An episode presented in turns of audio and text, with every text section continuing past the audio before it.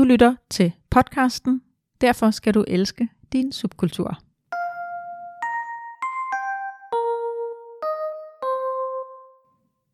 Velkommen til podcastserien Lederhjælpen. Jeg sidder her foran Ane Jægersborg. Mit navn er Gita Maja Laguard. Vi skal i dag tale om subkulturer og hvorfor du skal elske dem. Vi skal tale om, hvordan du arbejder og ser på din kultur i din organisation, hvad de kan gøre ved dig og hvad du kan gøre ved dem, og hvordan du kan bruge subkultur til at skabe værdi.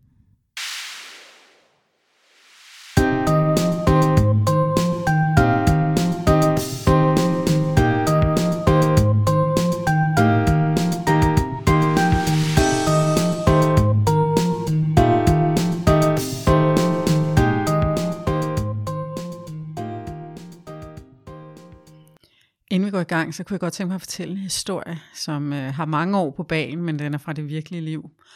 Og øh, den handler om en, en organisation, jeg var arbejdet i på et tidspunkt, og øh, der havde man dele af organisationen, øh, det var nogle kundevendte øh, funktioner, hvor man havde en, en hyggelig vane med at starte hver dag med at spise lidt morgenmad sammen, og lige snuppe en gammel dansk.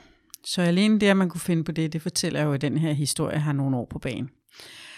Øh, det kom på et tidspunkt topledelsen for Øre. Altså den lokale ledelse var helt med på det og deltog selv. Øh, men det kom topledelsen for Øre, at, at, øh, at den her kultur eksisterede i den her del af, af organisationen. Og øh, det var problematisk, synes man, af flere grunde. Blandt andet så var det jo ikke så godt, at de kunder, der kom ind ad døren øh, og mødte medarbejderne fra morgenstunden, at de mødte en medarbejder, der duftede af alkohol. Det var ikke sådan helt i overensstemmelse med, med virksomhedens sådan overordnede brand og det, man gerne vil være kendt for. Øh, det betød måske også, at der var nogle medarbejdere, som måske havde det lidt svært med det her med alkohol, som øh, blev fastholdt i noget, som måske ikke var så sundt at fastholde dem i. Øh, men under alle omstændigheder, så gjorde det i hvert fald sådan, at man fra topledelsesniveau besluttede sig for, at det går simpelthen ikke. Det er vi nødt til at lave om på den subkultur, som handlede om at starte med at drikke morgenmad. Wow. som handlede om at starte med at spise morgenmad og, og drikke en gammeldansk. Og den måde, man greb det an på, det var, at man øh, lavede et cirkulære, øh, som beskrev meget minutiøst, øh, Øh, regler for, hvornår man måtte drikke og spise på sin arbejdsplads. Så man tog det altså lidt videre end bare det her med at drikke alkohol. Og, og sådan, som jeg husker det, så var det noget i retning af, at man kunne ikke spise og drikke ved sin plads, øh, og øh, alkohol det var kun til særlige anledninger som jubilæum eller juleafslutninger eller sådan noget. Og ellers så, så skulle man ikke det. Øh, og øh, det her cirkulære øh, blev behandlet i samarbejdsudvalget, og, øh, og det blev i folkemåne, eller blandt medarbejderne, døbt krummecirkulæret, fordi det gik meget vidt i forhold til at regulere øh, retningslinjer øh, for, hvad medarbejderne måtte og ikke måtte. Nogle ledere fortolkede det virkelig stramt, altså der måtte man ikke engang spise en gulerod ved sit skrivebord, fordi så var det i strid med krummecirkulæret. Og andre var lidt mere sådan anarkistiske. Og grunden til at, at tage det eksempel frem, det er jo, det er jo et eksempel på en subkultur, hvor man ikke ønskede, at den skulle være der. Øh, toplevelsen bliver opmærksom på det, reagerer på den, men overreagerer måske også. Øh, fordi det man jo så gør, at man, man forsøger at lave en tvungen kultur, nogle tvungne retningslinjer, og lægge ned over de medarbejdere, hvor man egentlig godt kunne finde ud af øh, at gøre tingene fornuftigt, og hvor det kun var ved sjældne lejligheder, man drak gammeldans til morgenmad. Men bare for at nævne et eksempel på, hvordan man kan støde på på subkultur i store organisationer. Og det er sådan sjovt nok altid det her med alkohol, eller ikke altid, men det er ofte det med alkohol, som, som man nogle gange hører om, og, og som der kommer op, fordi det er her, at topledelsen føler sig nødsaget til måske at lave nogle indskærpelser, og, og som du siger i den her historie, så ender de med at bruge laveste fællesnævner, eller straffe alle for en ja. subkultur. Og, øhm, og øh, nu har jeg jo ikke, jeg kender ikke selv lige den historie, men jeg kunne forestille mig, at der affødte nogle reaktioner fra Voldsom. de andre. Og det var derfor, det simpelthen blev døbt krummecirkuleret, fordi man sagde, man går helt ned i krummerne og regulerer på det her. Ikke? Ja. Altså, jeg tror, jeg kunne nævne de første 10 historier om ting, som ledelsen har gjort for indskærpelse af retningslinjer i forbindelse med indtagelse af alkohol Mm-hmm. og spisning af mad og sociale arrangementer.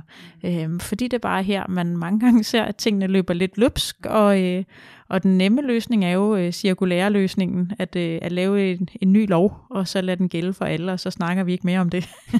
Men man kan gøre rigtig mange andre ting, og det skal vi snakke lidt om i dag. Ja, og, og det handler jo ikke kun om alkohol eller ikke alkohol, når vi snakker om kultur. Der er jo masse, masser af andre eksempler, man kunne bringe i spil også. Absolut. Altså, vi har jo i det seneste øh, år set en masse spændende sager, som der handlede mere om sexikane øh, og MeToo, som jo også øh, siger rigtig meget om kultur. Øh, men det kunne også være noget helt andet. Det kunne være noget om øh, kultur, om hvordan man samarbejder på tværs i en afdeling.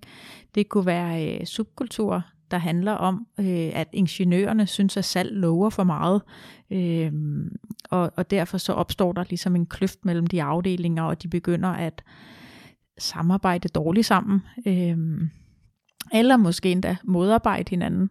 Og andre eksempler kunne være for eksempel, at salg måske synes, at øh, den juridiske afdeling er møgbesværlig at arbejde med, og de ikke kan se tingene fra kundens vinkel, og hvorfor skal vi nu til at lave alt det der med GDPR og sådan nogle ting, det er da dybt åndssvagt. Øhm, så på den måde kan man sige, der, der kan hurtigt opstå nogle subkulturer, fordi vi sidder i forskellige afdelinger og har forskellige interesser.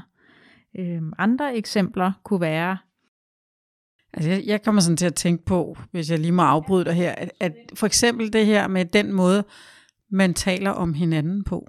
Altså den måde, man omtaler sine kollegaer på, øh, internt i en afdeling, eller mellem afdelingerne, eller over for kunderne, øh, kan også være et udtryk for forskellige kulturelle forskelle i en, i en organisation. Men nu fik jeg lige afbrudt dig. Du var lige ved at sige noget andet. det jeg egentlig var ved, var at komme med et par små eksempler på sådan meget lavpraktisk ting. Hvad kan det, hvordan kan subkultur se ud? Bare sådan, så vi lige er enige om, hvad er det egentlig, vi snakker om? Fordi der er selvfølgelig det her med, med alkohol og snaps og sexikane, og vi ved godt, sådan nogenlunde i hvert fald i træskolængder, hvad vi må og ikke må. Nu skal vi bare finde ud af lige at gøre det i hverdagen.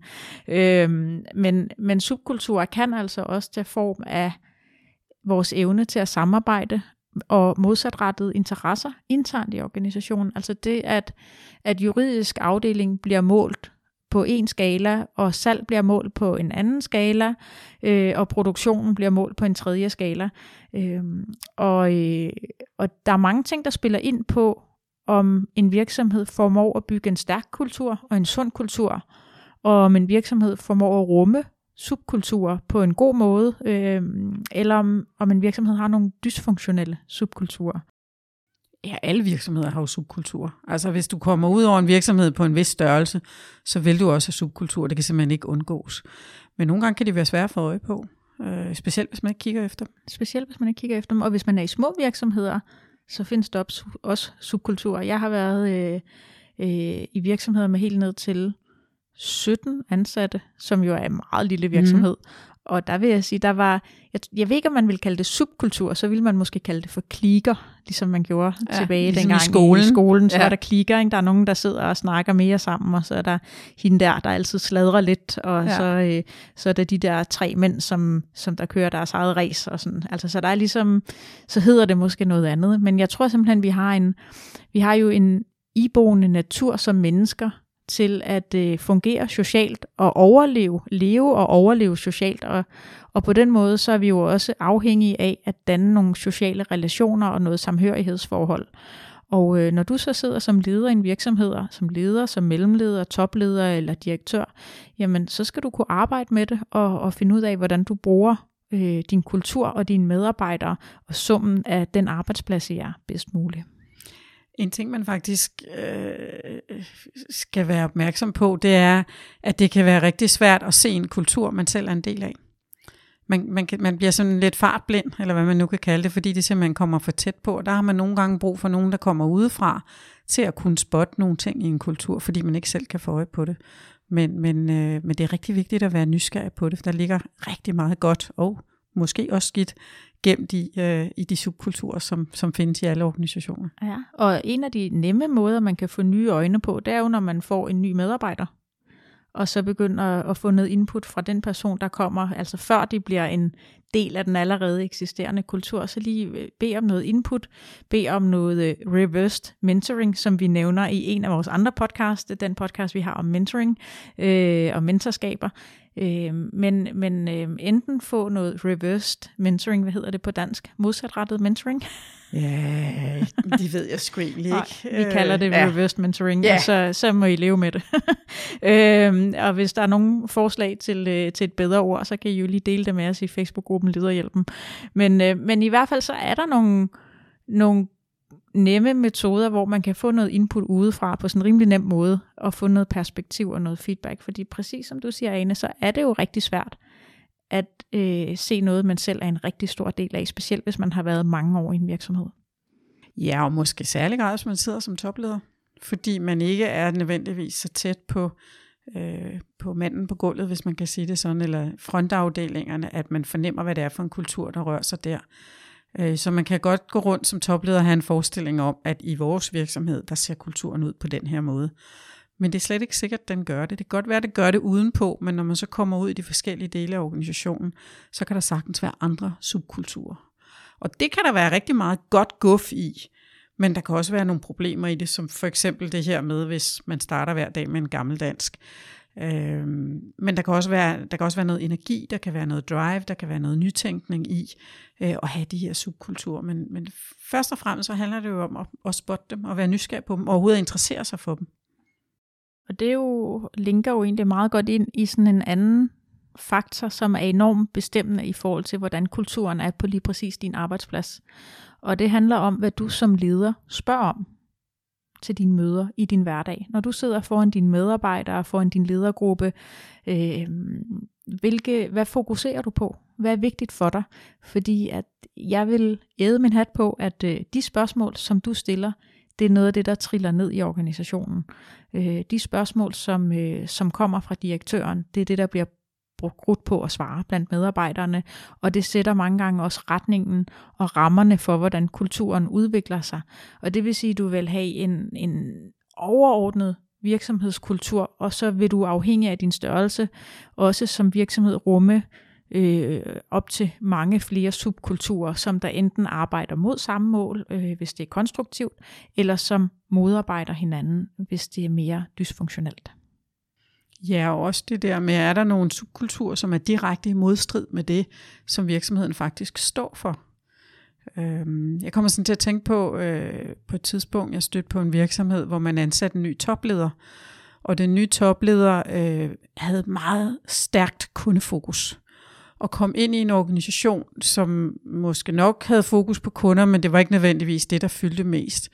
I løbet af meget, meget kort tid, altså her taler vi uger, måske en enkelt måned, øh, hvor den her topleder gjorde meget ud af at komme rundt i organisationen og være nysgerrig.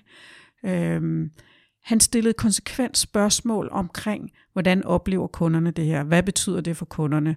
Øh, hvordan oplever kunderne det her? Altså hele tiden spørgsmål, som i et eller andet omfang kredser omkring kundeoplevelsen. Og den her organisation gik fra at have været, nå ja, selvfølgelig har vi kunder, til at alt det summede af energi og fokus på kunderne. Så bare det, at, at en topleder kommer ind ad døren og begynder at stille de her spørgsmål, det påvirker faktisk med det samme. Det betyder jo ikke, at så virker det allerede efter en måned, men det skaber den første opmærksomhed omkring det. Og, og, og hvor stor man, var den organisation? Den var stor. Altså det var på flere tusind mennesker øh, i flere lande. Øh, så, så, øh, så det er jo ikke noget, der virker med det samme, men det sætter, det sætter en bevægelse i gang. Kultur er jo ikke sådan en stationær størrelse, som bare bliver ved med at være på en bestemt måde. Den udvikler sig jo også over tid. Øh, og det er jo også vigtigt at forstå. Øh, på et tidspunkt stødte jeg på en, en virksomhed, som havde vokset sig fra at være sådan øh, iværksætter startet af, af to sådan dynamiske gutter, som havde en idé og ville noget med den, og, og, øh, og, og, og satte i gang på en hel masse ting, øh, og fik succes, gjorde det virkelig godt, og voksede og voksede, og virksomheden har i dag 50-60 ansatte eller noget i den stil. Og det, de arbejder med lige nu, det er at forstå, hvad det er for en kultur, de skal have nu.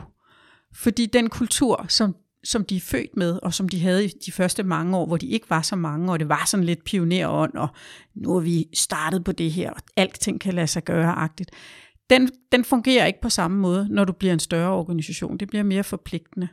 Så de er i gang med et arbejde, som handler om at sige, hvordan bringer vi det gode med fra iværksætterkulturen ind i den fremtidige kultur, som vi gerne vil have, øh, og arbejder aktivt med det øh, på den måde. Og det er jo også noget, man, man nogle gange ser i familieejede virksomheder, ja. at, øh, at du har... Øh, du har forskellige typer organisationer. Det kan også for den sags skyld være offentlig, privat. Øh, mm.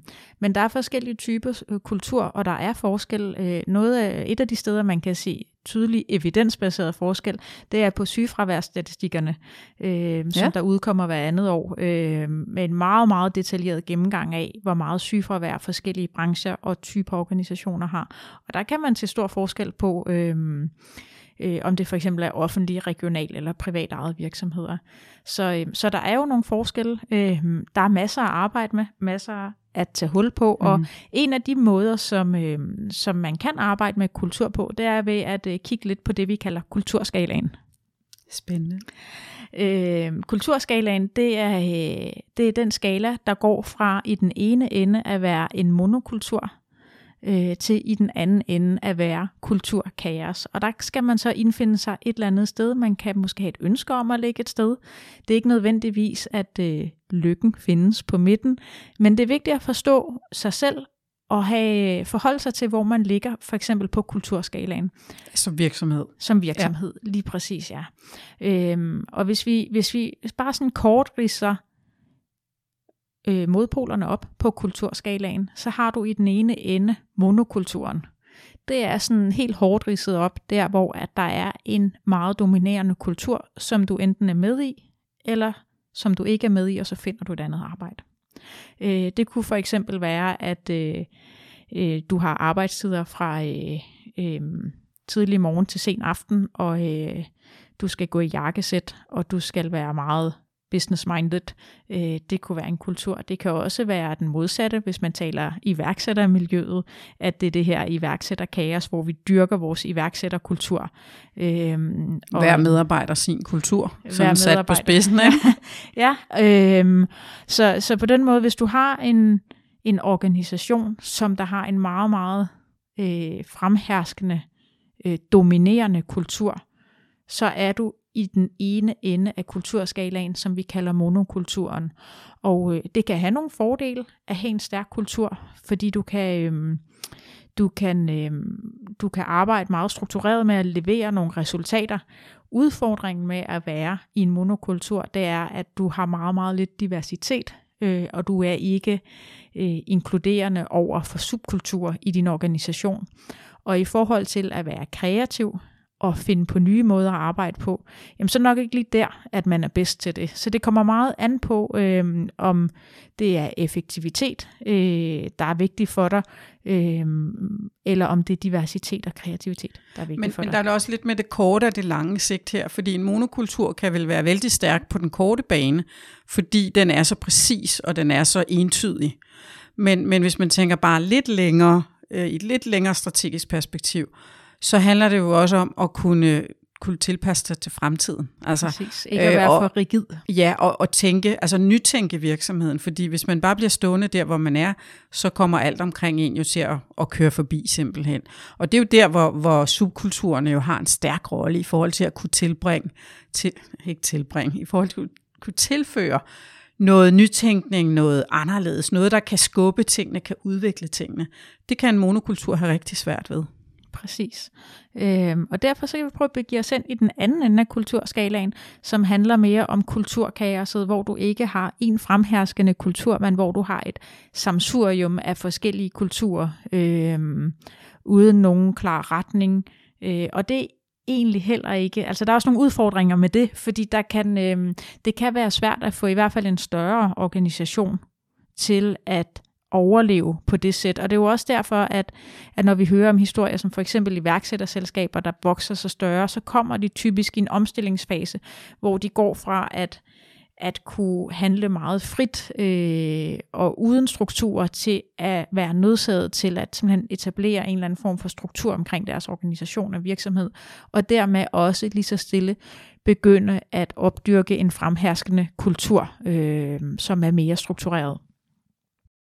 Ja, og, og så, øh, kulturen er der jo, uanset om man gør noget eller ej. Altså enhver organisation har en eller anden form for kultur. Øh, og det handler jo meget om som leder, og særligt som topleder, at arbejde aktivt med det. Og det, det, gør, altså, det gør rigtig mange store organisationer også. Øh, der, hvor det også øh, har en vinkel på, det er, om de bevæger sig ind i bestyrelseslokalet. For nogle år siden blev der lavet en, en øh, undersøgelse, hvor man analyseret på bestyrelsesarbejdet i 400 større virksomheder, for at se, i hvilket omfang man rent faktisk arbejdede med de kulturelle elementer i en organisation. Og, øh, og, og det var ikke voldsomt udbredt på det tidspunkt, men det var klart noget, der var, der var i vækst. Øh, og det man kunne se, det var, at de virksomheder, som rent faktisk arbejdede med det, de havde en helt anden i på bestyrelsesniveau og tænkte ind som en del af den overordnede strategi. De havde nogle meget kraftfulde værktøjer til også at måle deres topledelse på, om man rent faktisk leverede på resultaterne. Øh, fordi der er øh, en, en kendt, øh, jeg, ved ikke engang, hvad han virkelig er, Peter Dutek, som, som har sagt, culture is strategy for breakfast. Mm. Og med det der mener han jo, at kultur er en endnu større drivkraft, end en strategi er, i forhold til at levere på sine resultater. Også i forhold til at få medarbejderne til at gøre øh, de rigtige ting på de rigtige tidspunkter, i forhold til at motivere, øh, skabe engagement. At det her med at være en del af en kultur, det er jo sådan noget meget man sige, enkelt i forhold til det her med, at vi har alle sammen behov for at være inkluderet. Øh, det at være inkluderet i en stærk kultur, som man, som man kan være med i, det gør også, at man bliver mere engageret og skaber nogle, nogle, øh, nogle bedre resultater. Så der er rigtig meget saft og kraft i det her med at arbejde med kulturen og med at forstå den, men også at vide, at man skal øh, at man kan ikke bare lade stå til. Altså man er nødt til virkelig at have nogle klare holdninger til kulturen, og også til, til subkulturerne. Mm. Og det er jo også derfor, at, at kultur på mange måder er så frustrerende. Ja, det er uhåndgribeligt. Du kan ikke skrive det ned. Og du kan heller ikke, du kan heller ikke gennemtvinge en kultur. Sådan fungerer nej, det ikke. Du nej. kan så nogle frø, og så kan du lade det vokse. Øhm, og hvis man ser på, på selve ordet kultur, øhm, så kommer det egentlig fra latin og betyder det dyrkede i kontrast til det naturlige. Øhm, og, og i landbruget, der taler vi jo om at kultivere ting, at øhm, og, og, og når man taler om kultur i forhold til samfund, så taler vi lidt om, så betyder noget i forhold til, hvordan samfundet er indrettet, både strukturelt, både implicit og eksplicit, de skrevne regler, de uskrevne regler. Så på den måde er kultur et ord, der bliver brugt i rigtig mange forskellige sammenhæng, men går man tilbage til den latinske betydning, så betyder det det dyrkede i naturen, øh, det kultiverede. Øh, I forhold til mennesker, så vil man oversætte det til det dannede, det kultiverede. Øh, Og i forhold til virksomheder og i forhold til organisationer, så er det jo noget, der er på den ene side styret af organisationen, og det som lederne gør, og det der bliver sat i gang fra både topledelse og mellemledelse. Øh, men samtidig så er det blandet med det, der opstår af sig selv og har sit eget liv i organisationen. Og derfor så kan man ikke kontrollere det en til en, men man kan påvirke det, og man kan plante nogle frø, som får noget til at vokse. Ja, altså jeg kommer sådan til at tænke på køkkenhaver, når du snakker om at kultivere og plante og frø. Altså hvor man kan have på den ene yderfløj, der kan du have den der have, hvor du bare øh, lader alting gro helt vildt, og så i løbet af et par år, så er det totalt kaos, og så har ukrudtet taget over. Det er sådan måske den ene yderlighed på, på, øh, på kulturskalaen.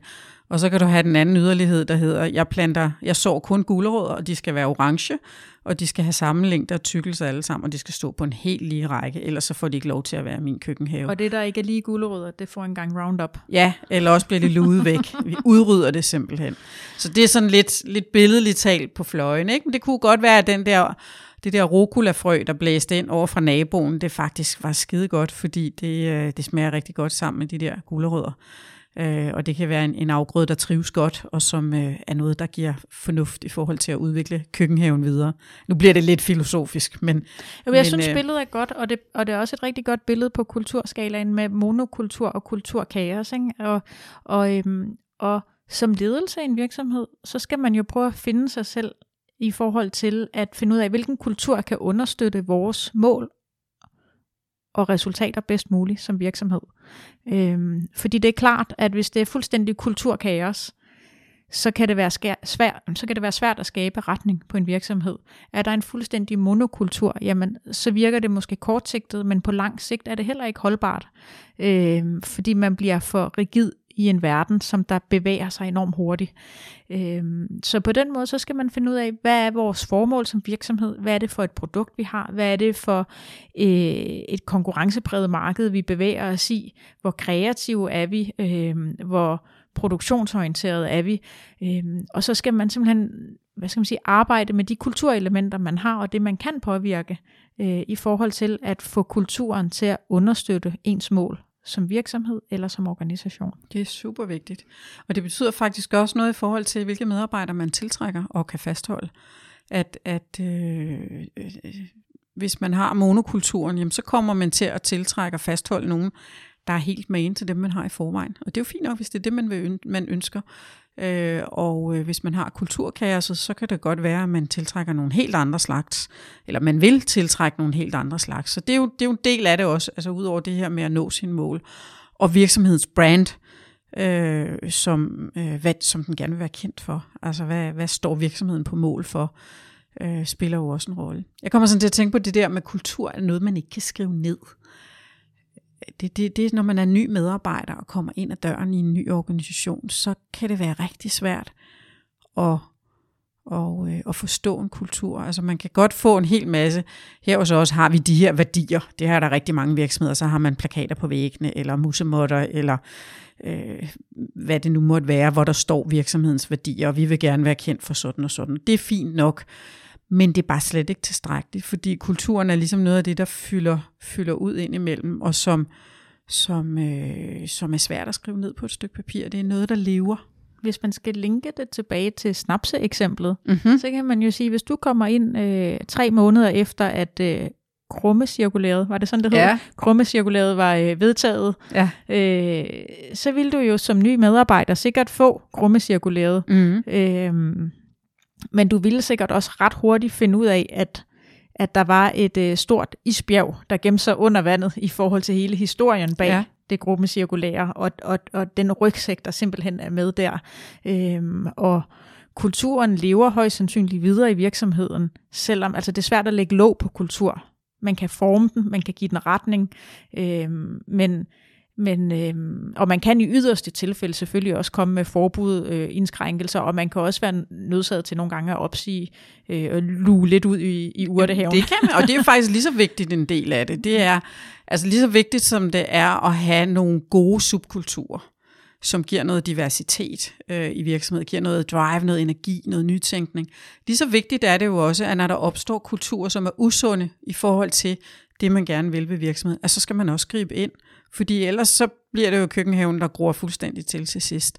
Så hvis du har en, en, et område, for eksempel, hvor der er en, en kultur, som handler om, at, at man bagtaler kollegaerne, eller man går ikke så højt op i den kvalitet, man leverer til kunderne, eller hvad det nu måtte være. Eller man mobber. Eller man mobber. Mm. Altså der kan være rigtig mange parametre på det.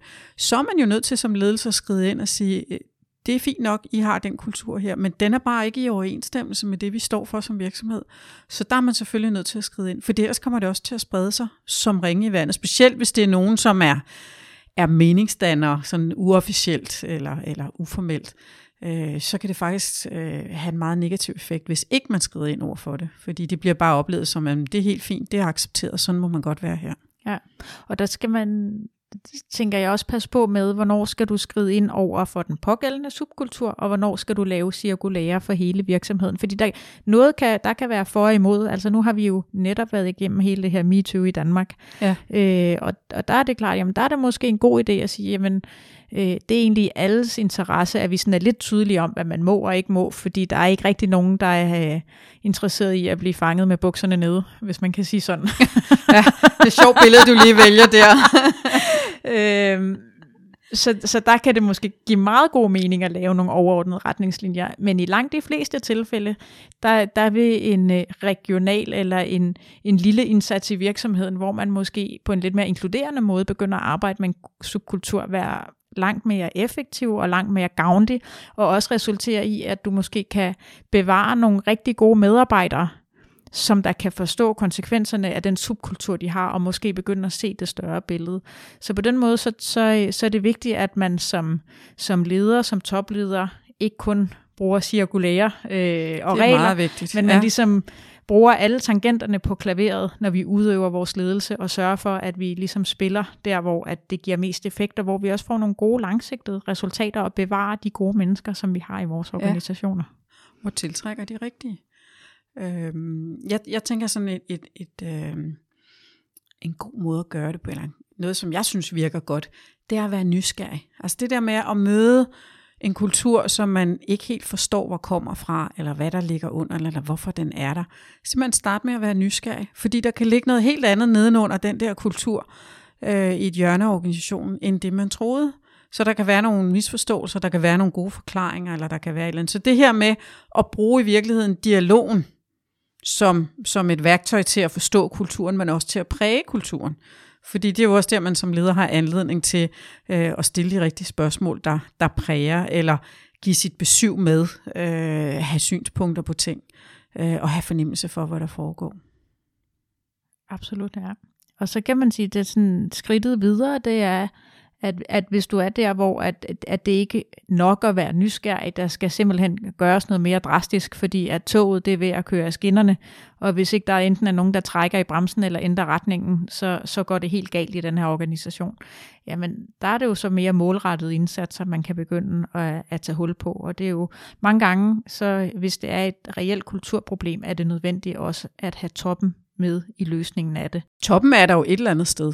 Altså, så, så hvis noget ligesom tillades fra toppens side, så lever det videre i organisationen. Man kan, ikke, man kan ikke gøre det der med at tro, at det her det må fikses nede i organisationen, men her i topledelsen behøver vi ikke at følge det. Altså, den, den går bare ikke. Altså, det, det drøber ned igennem organisationen. Det starter ved toppen. Og du kan også blive fanget, hvis du sidder som, som øh, mellemleder eller divisionsleder i en, i en organisation, øh, og egentlig hvad skal man sige, stå med en følelse af at, at, at være ene mand mod en kæmpe kulturændring i en virksomhed. Og, og det kan være en umulig kamp at kæmpe, øh, eller i hvert fald en meget, meget svær kamp, hvor man kan sige, okay, jamen, du kan feje for en egen dør, og du kan arbejde for at få nogle bredere emner taget op omkring, hvilken kultur der skal være, men, men, men der er nogle områder, hvor det er nødvendigt, at toppen også, toppen af organisationen går aktivt ind i ja. problemstillingen. Ja.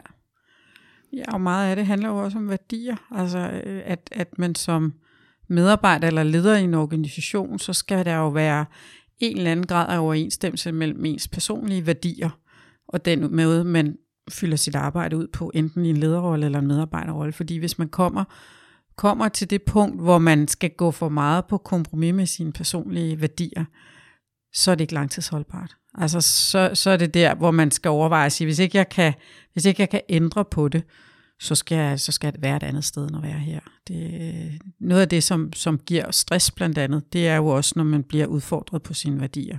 Det er ekstremt stressende at opleve.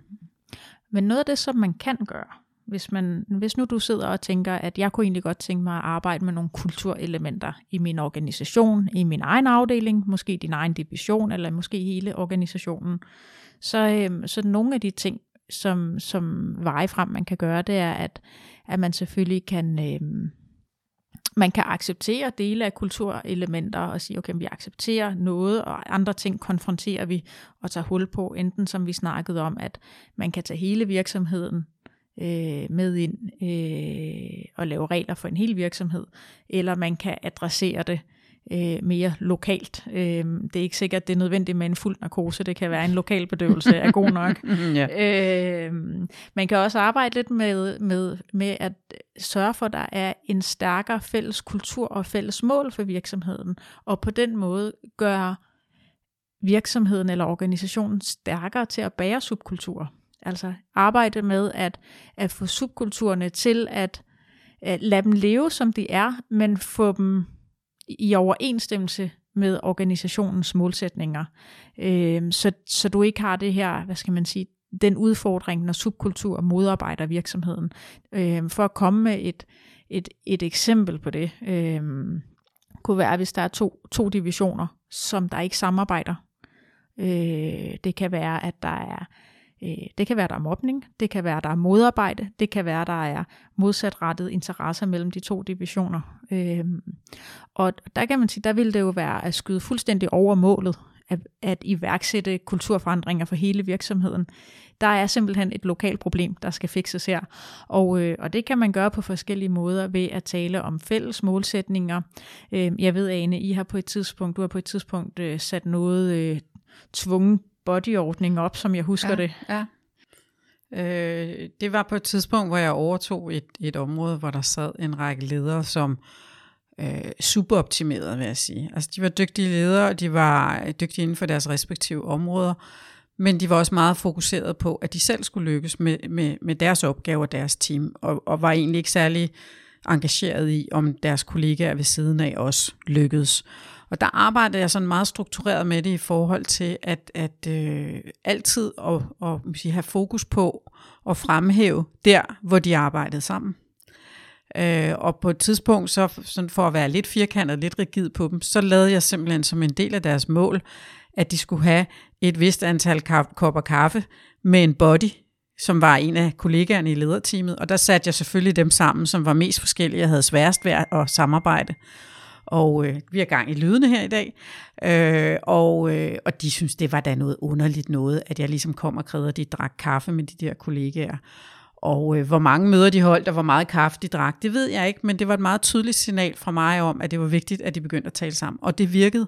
Altså det virker ikke fra dag 1, det virker heller ikke fra dag 2, men det flytter tingene i den rigtige retning. Og på, på den lidt længere bane blev det ekstremt stærkt, fordi man kommer derhen, hvor du får et team, hvor man begynder at spille hinanden gode. Og det er jo også en kultur.